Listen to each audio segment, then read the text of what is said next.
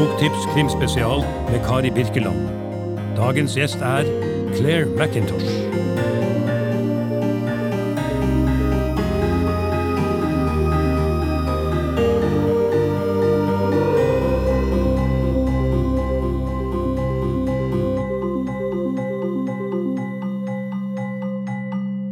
Kjære alle sammen, hjertelig velkommen til Krimfestivalen 2021. Jeg heter Kari Birkeland, og jeg gleder meg veldig til å møte den britiske bestselgerforfatteren Claire McIntosh, som har eh, toppet alle bestselgerlister og solgt over to millioner bøker verden rundt etter at hun debuterte med Jeg lar deg gå i 2015. Og siden er det blitt eh, fire bøker, og den siste Gissel på norsk, eh, Hostage på engelsk, den kommer i mai. Og dere kan glede dere, for jeg har lest den. En fantastisk spennende bok. So, hello, Claire. Thank you for your last book, which was amazing, kept me up at night like a good book, good crime should. Uh, and this will be published all over in, in May, June. So, how's life at the moment, Claire? Well, uh, uh, you know, like it is for everyone, um, it's it's very strange, and I'm I'm still not really used to it. I'm finding it very difficult to to write and to find a creative space in a house full of children um, who uh, still aren't in school. But I'm, you know, I'm healthy and I'm very, very fortunate to be doing a job that I love and that I can do from home and I can still connect with readers around the world. So I feel very lucky.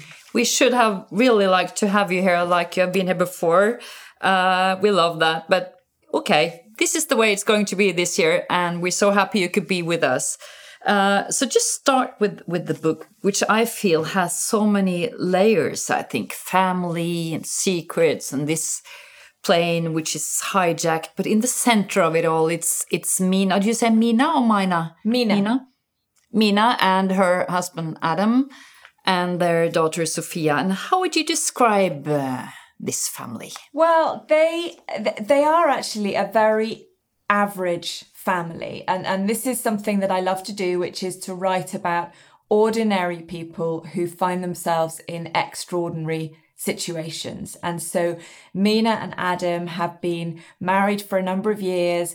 They've previously had a very good, very strong relationship. They're going through a bit of a rocky patch at the moment. Um, Adam's keeping some secrets. Actually, Mina's got some secrets of her own.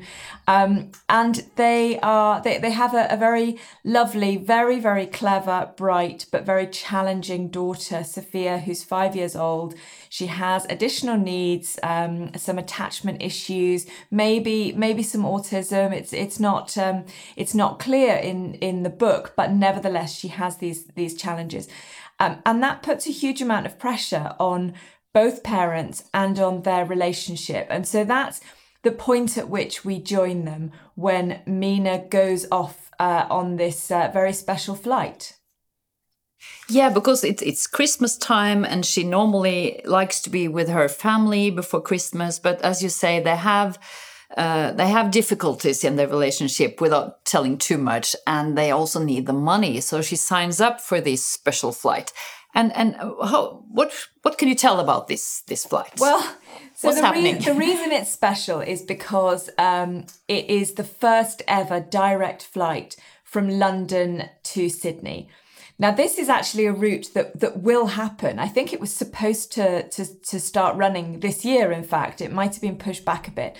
Um, but it's been uh, there have been preparations both in real life and in my my novel for a number of years um, to have this direct flight it's 20 hours long and um, she is part of this this team of um, cabin crew that will take this flight. The, the, the plane is packed with celebrities, journalists. The the world's media is looking at this this plane, and there's very much a sort of um, a Titanic feel about it. That here is a, a, a route that will make headlines, um, but of course it's going to make headlines for all the wrong reasons. And then everything seems very nice in the beginning, like you say. There's uh, there's influencers, there's there's uh, journalists, everybody uh, who matters are on this flight. It seems like, and then uh, everything goes completely wrong, and and Mina has to make a terrible choice. Uh, I don't know how much you want to reveal to, well, or how much you want to spoil. Always, That's always so difficult. Such a challenge, isn't it, for yeah, for you as always, interviewers? Yeah. Um, you know, how much do we, do we give away? I think it's okay to say that um, near the beginning of this flight, Mina receives um, an anonymous uh, contact from uh, one of the passengers on this plane. So it becomes very, very clear that someone on the plane has plans and wants to involve Mina in them. And she has to make a decision. Does she save the lives of everyone on that plane? Or does she focus on the most important people in her life, her, her husband and her hmm. daughter? And, uh, and uh, I think this this feeling of being inside a plane you can't get out you're going to be inside there for 20 hours and there's uh, people inside who who do horrible things. And it reminded me in a way about uh, you know the Agatha Christie uh, murder, murder on the Orient Express. This yeah you are you I mean you are locked inside. Did you did this inspire you this uh, yes absolutely. Yeah. so I love locked room mysteries. And when I was writing Hostage um, I, I had a, a, note on my computer which said Murder on the Orient Express meets Con okay. Air.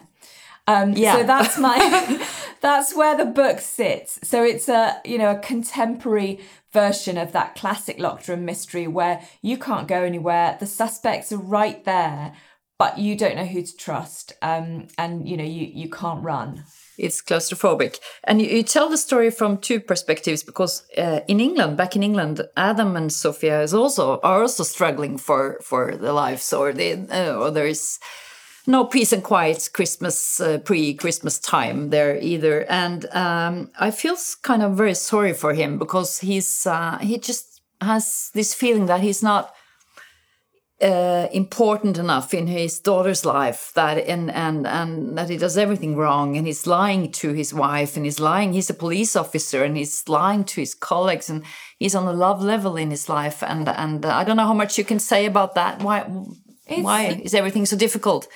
I think that life for pair for for dads is quite a hard one. I you know I, I think that that there's an awful lot of support given to mothers.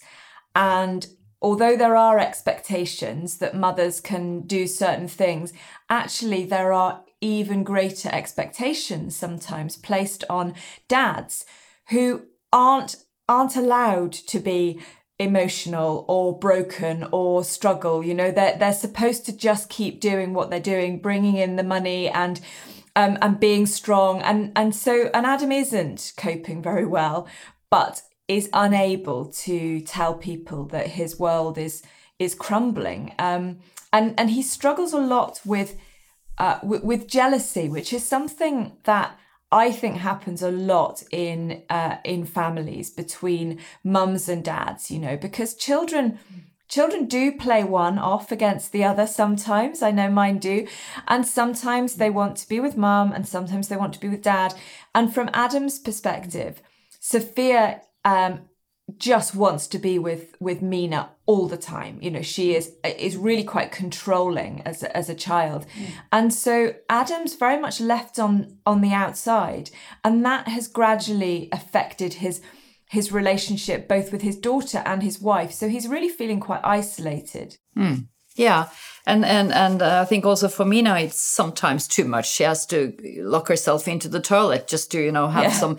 One very interesting thing about Sophia is the way you describe her. Like she can narrate, uh, how do you say it in English? Narrates uh, her, her, way to to school. Uh, she tells this story a thousand times. You, you pass the grocery, you pass the bookshop, you pass the and i mean yeah you maybe have to have some level of calm inside you to to to, to follow her all the time uh, yeah she, so when, she likes yeah. she likes routine she likes things to be exactly the same all the time and she has these patterns and these behaviors that are very soothing for her and very reassuring.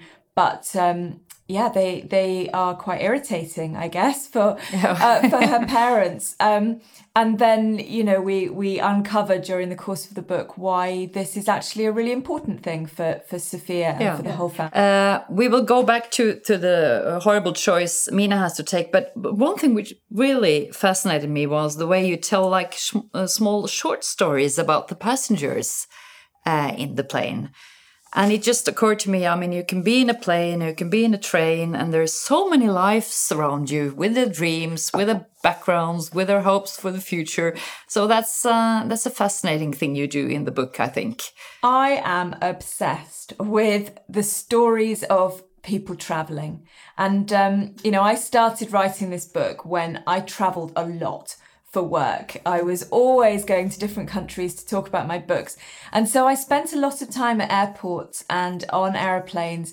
And I just, I, I used to love looking at everyone and thinking, you know, what's your story? What's your journey? What brought you? Why this plane? Why this day? Why this airport?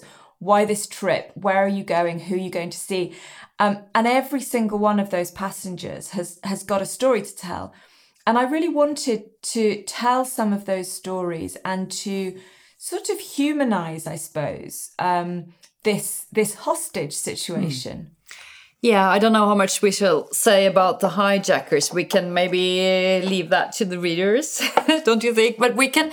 Uh, but like you said before, this uh, I feel this is uh, also very much a book about uh, a mother's choice and how what you willing to do to protect your child or, or the people who are closest to you. Uh, and this is a theme which interests you, I know from earlier books as well.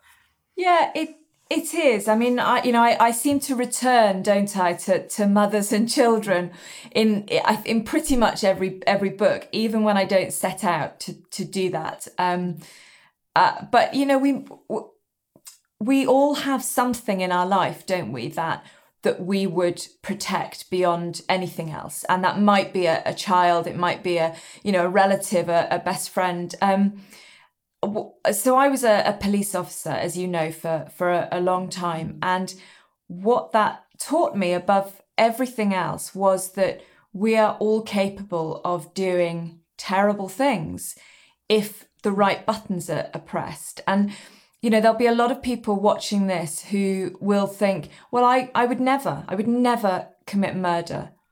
Mm. And I would challenge that um, because I, you know, I am a moral, upstanding person who would never want to hurt anyone. But there are situations in which I can absolutely imagine myself being pushed to commit terrible crimes to protect someone else. So I think that's that's the area that I I like to to explore. Um, and the flip side of that, just to sort of go back, you you you mentioned how we can't say too much about the the, the baddies in this book, but I think what we can say is that just as as I think every good person is capable of bad things, I think that bad people, bad people are capable of of loving and of you know of, good warm positive things um and again, as, as a police officer, I dealt with, um, I, I, worked quite a lot with um, protesters, uh, demonstrators, as a negotiator between two different sides to try and find a, a compromise. And I found it really interesting to see these people as people. And so when we, we see them on the news and perhaps, you know, we see them storming the Capitol or whatever they're doing, and as a group, they are they're terrorists they're um, you know they're, they're aggressors. But individually each of those people has a family has a backstory has a reason why they feel the way they do and why their values have been uh, been molded to such a point that they are now in this situation. And so that's that's a lot of, of what i was doing in hostage yeah. And you, you said it yourself, you worked as a police officer for, for 12 years and you used some of your own experiences in your first book. I'll let you go, isn't that right? So, uh, yeah. Um, and the book you wrote before this one, Hostage, it's not a crime novel. It's called After the End. Uh, it's a heartbreaking novel about uh, a young couple and they're fatally ill, uh, the child, which is who is fatally ill, and also uh, choices, uh, extremely difficult choices. Uh, and it struck me that even these books are so different. It's it's kind of the same theme as you said yourself, the, the love for your child and uh, how it affects you and and difficult choices. Um, do you agree? It's the yes, same kind absolutely. of theme, yeah. Yeah, I, I think it's really interesting when people say, you know, uh, after the end is completely different from your crime novels, and and actually, you, you're you're completely right in what you say that you can look at my books and you can find these common threads, and and yeah, after the end and hostage are both about very you know very difficult choices that are motivated by the love of a child. And so they may well sit in different parts of the bookshop but actually they're they're really quite similar And this book also was in one way uh, based on something you have also experienced in your family. yeah after the end is Yeah. a, a book that i'd wanted to write for a really really long time so in 2008 my um uh, my son was very very ill and we had to make a decision about whether we kept fighting kept trying different treatments um and tried to tried to buy some time um knowing that he would live with very very severe disabilities to, to the point where he would be unable to walk or talk or or see or hear um or or whether we removed him from intensive care and and let him die. And when i asked the uh the the consultant what happens if if we don't agree so if my husband and i don't agree because you know like most couples we disagreed on all sorts of things and and they'd never mattered until this moment. And the consultant said you have to agree because the alternative is unthinkable. And and we did agree but I wanted to write about a couple who disagreed because something very interesting happens when you have children, which is that you don't love your your partner any less, but suddenly you love your child more. And actually, if in some circumstances you find yourself having to choose between the two, and that's what happens in After the End. It's a very strong and very beautiful, uh, heartbreaking novel, I think. But was it for you very different to write a, a crime uh, book or and this novel, or, or do you just feel it's it's the same way of thinking and the same way of writing? Well, there was there was a big difference um, after. So I wrote three three crime novels: I Let You Go, I See You, Let Me Lie. Um, and then it did feel very different writing after the end, and and some of that was because there was some personal attachment to it, but actually mostly it was because my first crime novels were very plot driven, and so the focus when I was writing was the the action what happens next um you know where are the twists and the turns? And after the end was more character led so i had to really know who pip and max were and what motivated them and and then the story evolved out of their choices. So it was very different but then what i found when i came to write hostage which is technically i would have assumed to be another plot led book actually I had learned so much from writing after the end that it became a sort of hybrid of the two. And so I I worked just as much on the character of Pip and Mina and you know who of, of Mina and Adam and who they they were and um, you know what motivated them as on the twists and turns of of the plot. Yeah, I felt that that this book was a little bit more like the the the last one. Yeah. Uh, but it's it's uh, even though it's extremely extremely um, uh, yeah you sit up at, uh, at night and read this last book because you have to know what's happening so you've been very um, successful with the with the with the crime uh, plot in this book but this uh, as you explained to us now like using your own experience from your own life do you do that all the time when you write or I I guess I do. Um, I don't set out to, to do it. So so uh, uh, you know after the after the end is an exception. I, I can't imagine I'll write a, a, another book like that. But generally, I don't think right. Which incident in my life am I going to write about? But no. you know, hostage, for example, came about when I was on a plane. So not a 20 hour flight, but a 14, 15 hour flight to San Francisco, to Seattle and it was such a long time to be in the air. And we're so used to being connected all the time, you know, to knowing exactly where everyone is and what they're doing. And so it felt really odd and sort of otherworldly to be in this in this place, you know, and, and not have contact. And a friend of mine who is a pilot said um, said that that aeroplanes are like cities suspended in the air. And just like in cities, people fall ill and they're born and they die. And and this sort of this feeling of of a, a completely closed society in an aeroplane was was really appealing. So that was the start of of the novel. Um, and then as i started writing it and the characters of um, the parents evolved and their child evolved i realized that actually the that relationship was really key. And I I have a um, a daughter with additional needs and some attachment issues, and so I I know firsthand how challenging that can be and how exhausting it can be however much you love someone to be looking after them 24 7 um, so I, I guess i ended up putting quite a bit of that into the novel yeah, and there is a little bit of Me Too in the novel as well, because Mina has there a past is. as well. Because yes, because she yes, she true. really was training to be a pilot, and then that's also a very strong side story, I think.